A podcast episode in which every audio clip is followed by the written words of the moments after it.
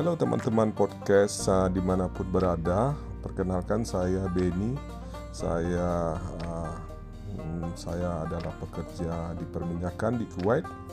Saya tinggal di Kota Padang, Sumatera Barat, Indonesia.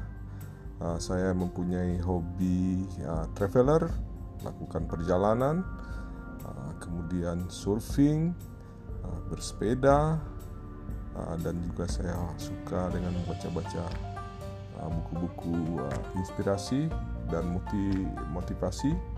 Dan saya mau berbagi pengalaman mudah-mudahan podcast saya ini bermanfaat buat teman-teman podcast semuanya di mana pun berada. Mari berbagi ya, berbagi pengalaman dan ilmu buat kita semuanya bye bye